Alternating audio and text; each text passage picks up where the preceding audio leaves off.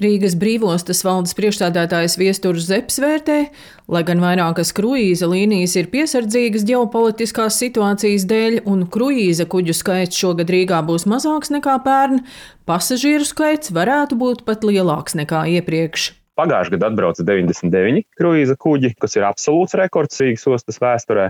Šim gadam raksturīgs ir tas, ka kuģi, kas brauc, viņi ir drusku lielāki, nu, pēc savas kopējās ietilpības, un arī pasažieru skaits tur ir lielāks. Ja pagājušajā gadā brauca, var teikt, 60-70% piepildījumu, nu, tad šogad brauc jau faktiski pilni šie kuģi. Pagājušajā gadā bija 75, 80 tūkstoši, tad šogad būs 80, 90 tūkstoši pasažieri. Ja? Tātad brauc dažna dažādākajām valstīm. Nu, primāri, protams, tā ir Eiropa.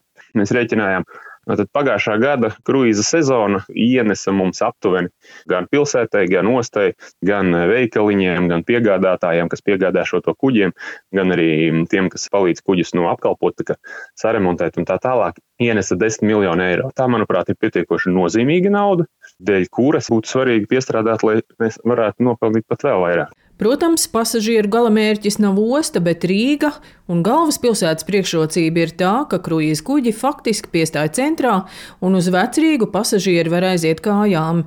Rīgas investīciju un turisma aģentūras turisma pārvaldes vadītāja Ieva Lasmane vērtē, ka turisma piedāvājums Rīgā ir gana plašs. Kruīzu kuģu pasažieriem lielākā daļa šo ekskursiju vai šo plānu, ko viņi Rīgā darīs, jau principā ir zināma brīdī, kad viņi ierodās Rīgā. Proti, ir uzņēmumi, kas strādā ar šiem kuģiem, un jau gatavo ekskursiju piedāvājumus, kurus attiecīgi uz kuģa pārdod, un uzreiz pa taisno no kuģa šie pasažieri arī šajās ekskursijās dodas.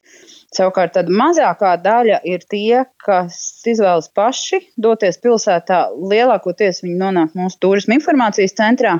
Tā interese vislielākā ir apskatīt vecrīgu, Pēterbaznīcas tornis, Daļa izvēlās iet paši savā gaitā ar pilsētas karti. Ir tādi, kas arī atsevišķi izvēlas varbūt kādu no ekskursijām, ko piedāvā gidi.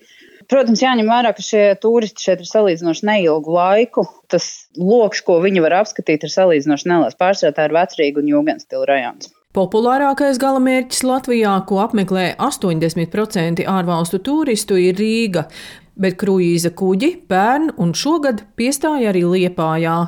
Lijā turisma departamenta direktore Inese Šīrava vērtē, lai arī turisti krastā pavada neilgu laiku, Viņi tomēr izmanto vietējos pakalpojumus. Liepājā ir pirmkārt stipri mazāk šo kruīzu, desmitreiz mazāk, bet pieņemsim, no tā Liepājas ekonomika arī ir teiksim, daudz no mazāk nekā Rīgas. Liepājai tas ir papildus iemesls piesaistīt ārvalstu turistus.